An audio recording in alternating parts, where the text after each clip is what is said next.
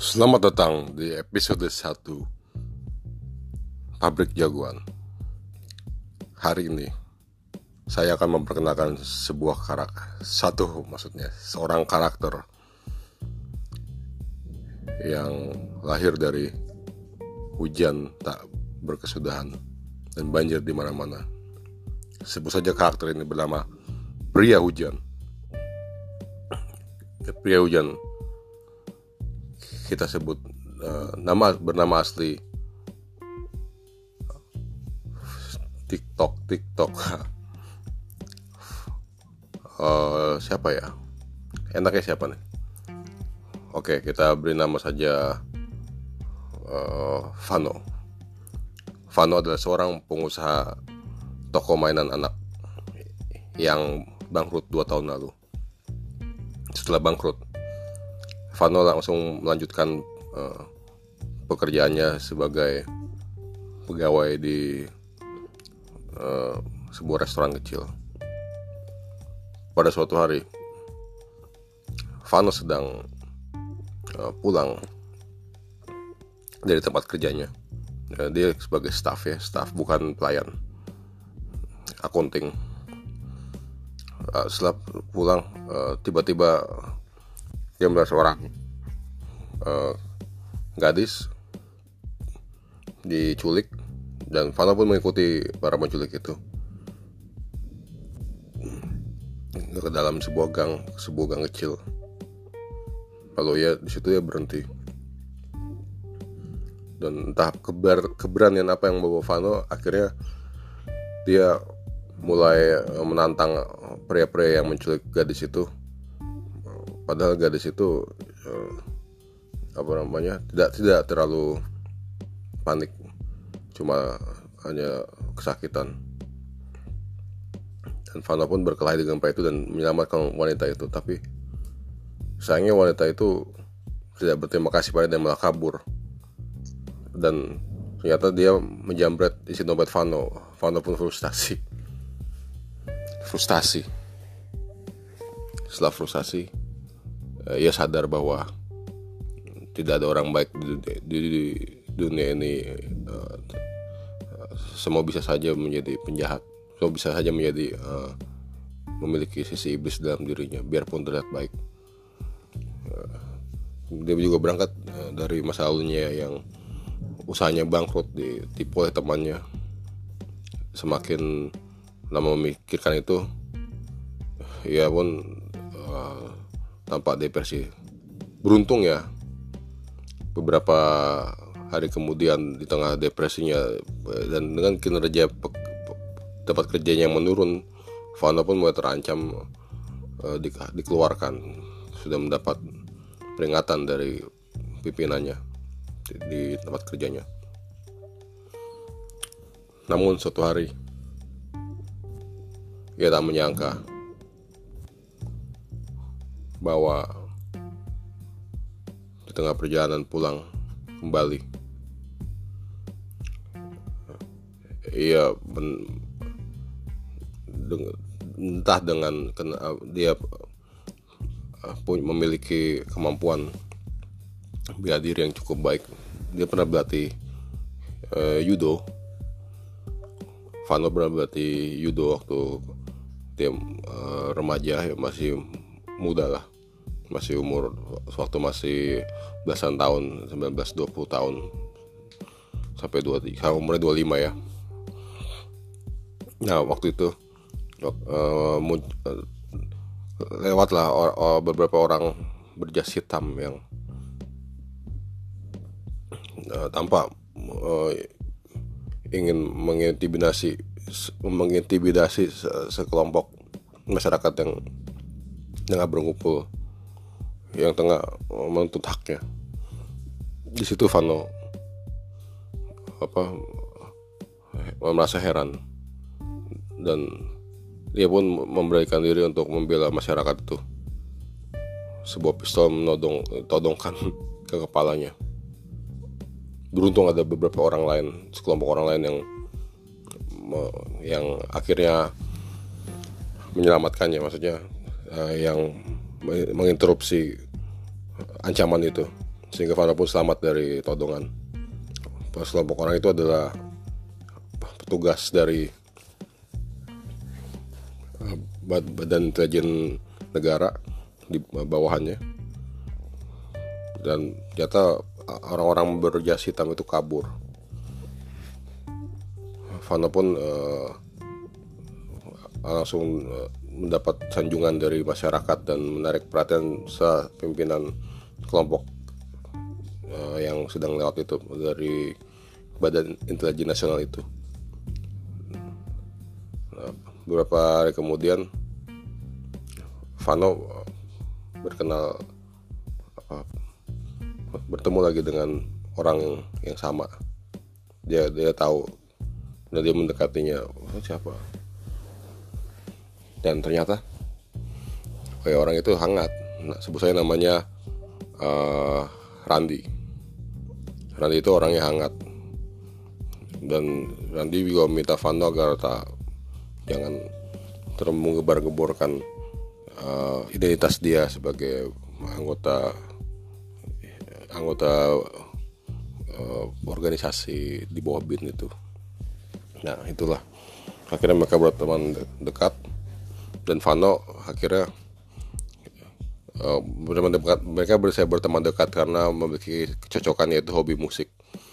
Sama sama-sama suka musik blues dan jazz. Mereka bahkan suka sering nonton konser bareng. Uh, lebih kepada persahabatan saja. Karena si Randy ini sebenarnya sudah menikah tapi istrinya meninggal dua tahun lalu. Ya kayak pertempatan dengan bangkrutnya usaha Vano. Nah, dari situ ternyata Vano bercerita bahwa dua tahun lalu ia bangkrut bukan karena apa usahanya bangkrut bukan karena sekedar ditipu oleh temannya tapi juga temannya itu mendapat ancaman dari orang-orang yang misterius Randi pun mengerjitkan dahi dan ketika ditanya di mana lokasinya Vano menjawab uh, di daerah Bintaro. Bintaro.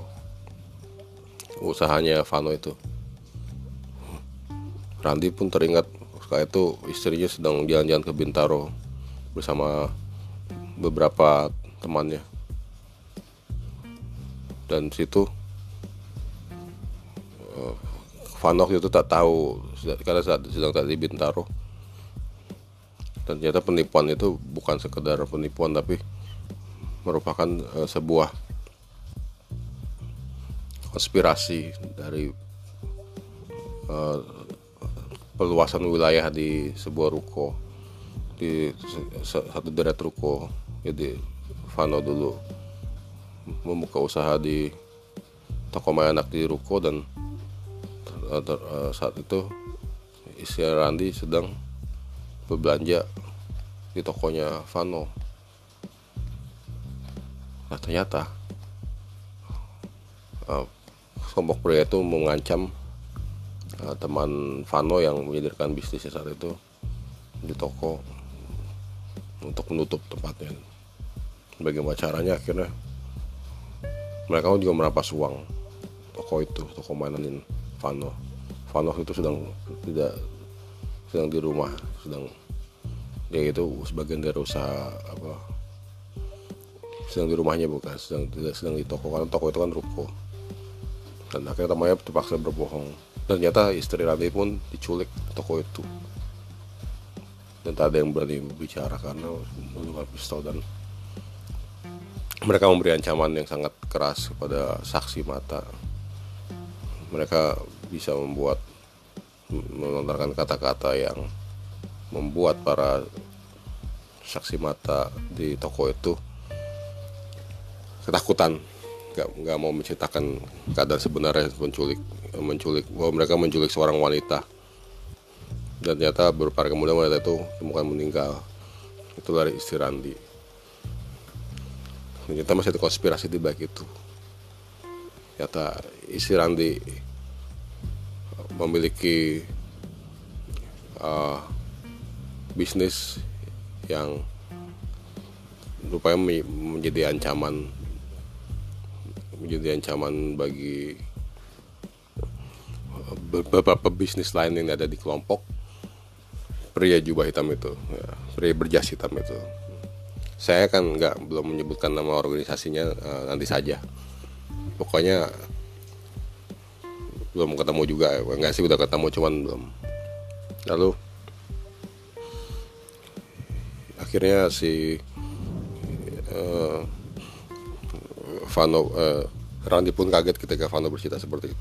Dan sorry dan ber, mengaitkan dengan semua hal ternyata bertumbuh pada satu hal yaitu uh, perluasan pemekaran tanah toko itu. Dan ternyata bisnis yang dikerjakan oleh istrinya uh, Randy itu adalah bisnis properti dan uh, dia ingin mengendalikan properti tapi bersaing dengan uh, properti tanah itu karena properti tanah itu uh, Randy mengetahui bahwa tanah itu akan dimanfaatkan untuk apa uh, sebuah kegiatan uh, ilegal.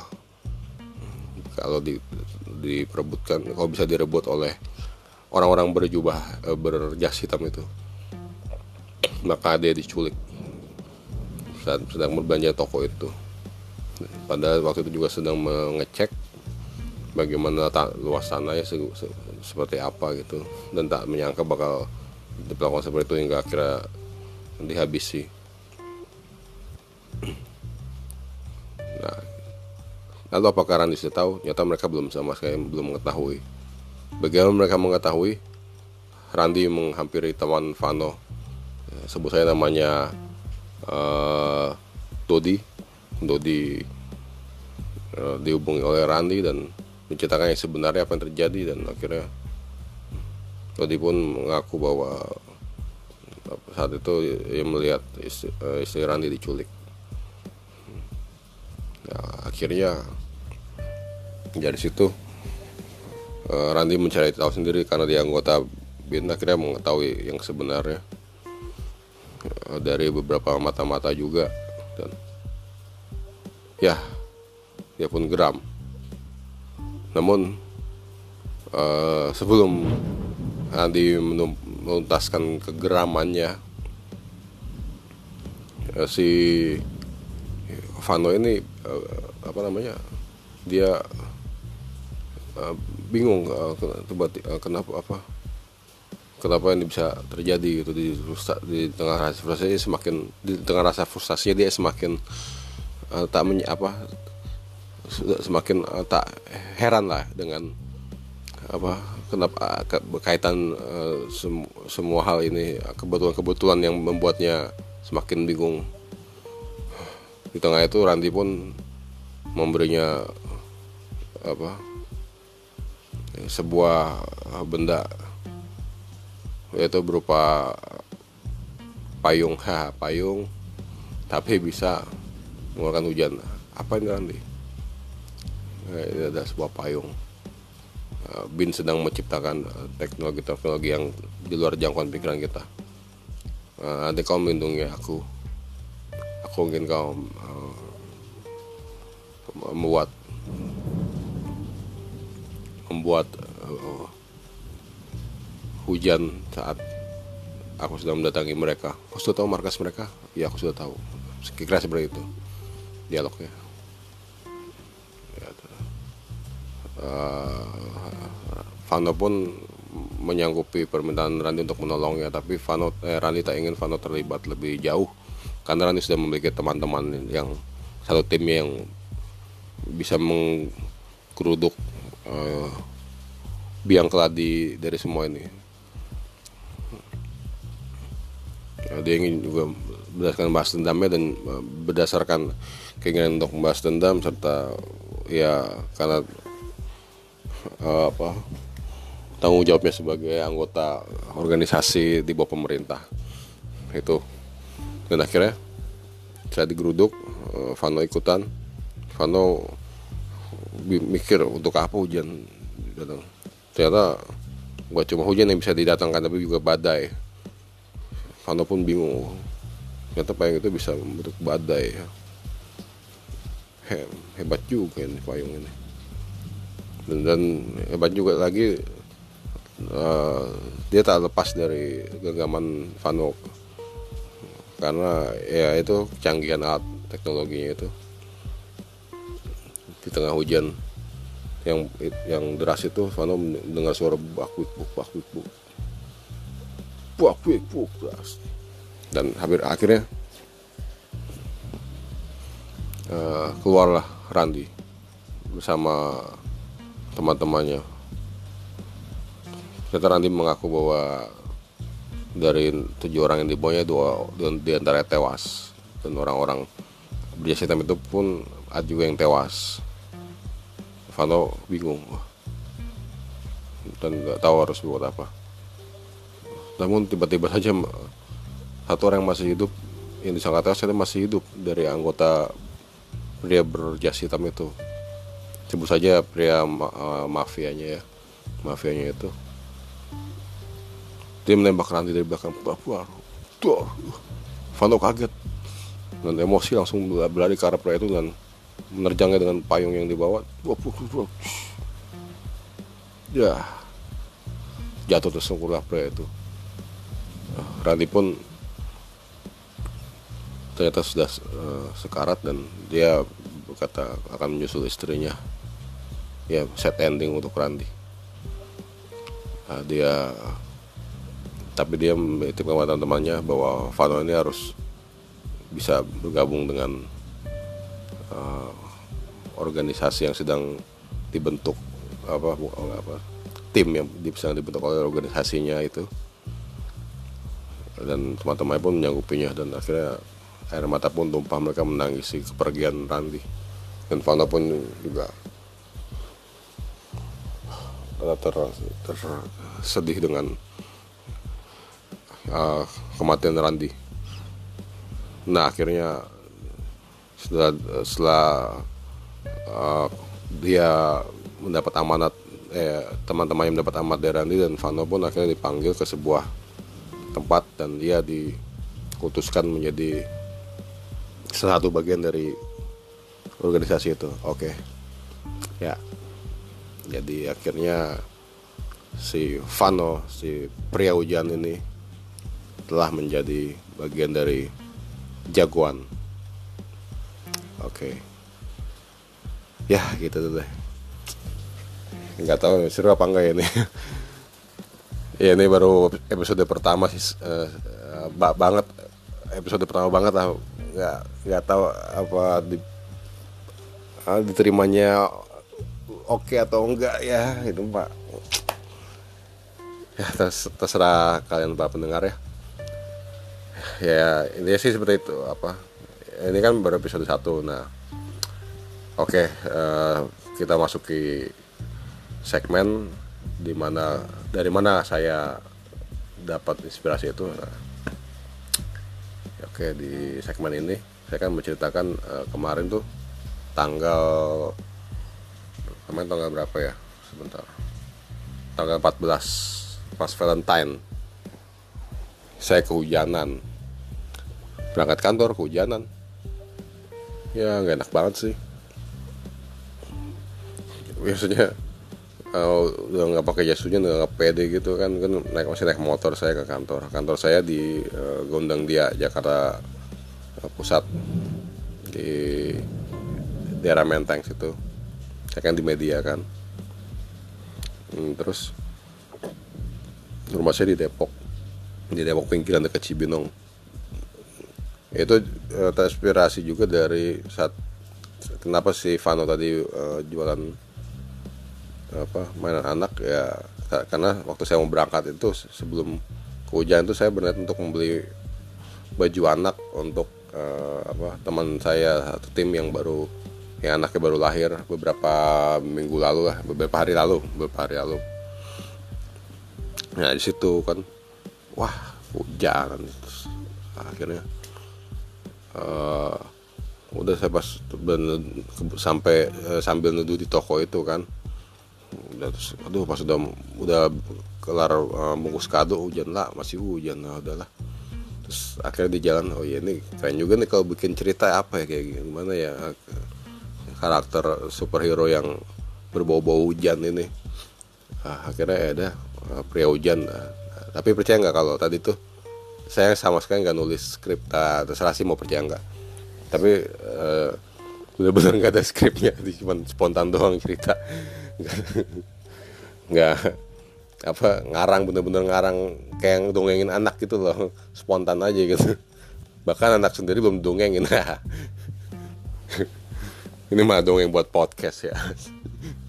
Ya nggak tahu tahu juga. Mungkin baik celahnya juga sih ceritanya. Makanya kalau didengar lagi mungkin ya kok gini kok gini ya. Maklum aja yang nggak ada skripnya nggak terkonsep spontan benar-benar spontan ya tapi kira-kira uh, menarik juga sih kalau ada karakter uh, manusia hujan tuh kayaknya nggak ada juga di Marvel DC atau di Bumi Langit di mana di anime-anime juga karakter yang dari pahlawan jagoan tuh bisa nyiptain hujan. Orang nggak mikirin kayak gitu.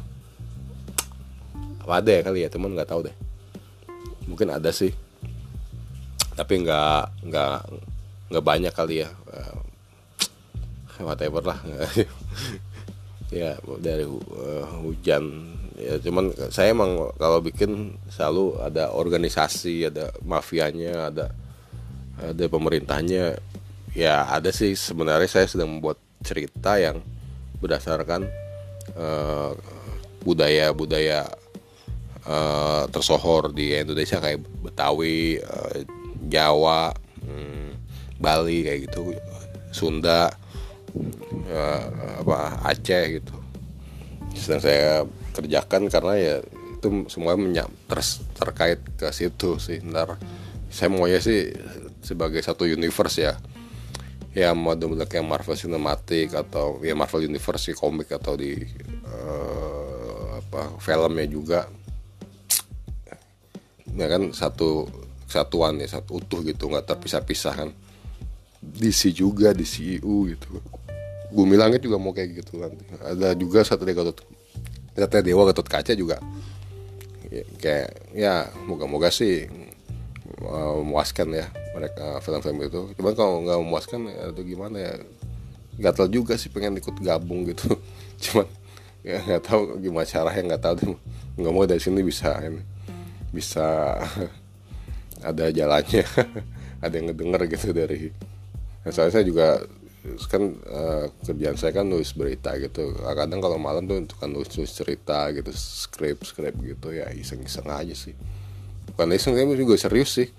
Serius saya pengen bikin karakter dari uh, budaya-budaya gitu. Oh iya Suasi tadi si Vano itu ya uh, enaknya dia lebih ke orang Jakarta ya deh kali ya.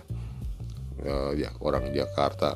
Tapi gue mau tahu sih orang Jakarta turunan Jawa lah turunan Jawa dan Sunda kali ya Vano namanya. Tapi Vano turunan Jawa Sunda. Danang gitu. Apa uh, siapa namanya? Wahyu. Aduh. Kayak gitu lah ya menarik juga sih apa dari hujan itu bisa jadi karakter superhero tuh ya jarang-jarang. Ya gitu ada ya, gitu aja dulu kali ya. Saya juga udah nggak ada nggak tahu mau ngomong apa lagi nih. Kayak keren lagi. Kalau misalnya ada yang mau diomongin mungkin uh, di episode selanjutnya deh buat melengkapinya. Oke, sekian dulu episode 1 podcast uh, Pabrik Jagoan uh, karakter name Vano, uh, nickname uh, alias uh, Pria Hujan. Uh, asal Jakarta, umur 26 tahun eh 25 26 deh. Ya pokoknya 25 26 lah. Uh, pekerjaan uh, mantan pengusaha, pegawai rest pegawai akuntansi res, akuntan restoran. Dan ya, dia baru saja bergabung dengan keanggotaan organisasi di bawah binaan bin kalau saya menyebutnya gitu. Tapi saya nggak mau nyebut nama organisasinya ntar saya mau sih di debut cerita pertama ada deh ntar. Nggak tahu deh jadi apa enggak pokoknya. Ya insya Allah dah. Oke, okay, sekian dulu uh, dari saya Riantri. Thank you udah mendengarkan. Maaf kalau nggak kayak podcast podcast lain yang lebih uh, lihai ngomongnya. Karena saya juga nggak bukan orang yang bakat ngomong kali ya.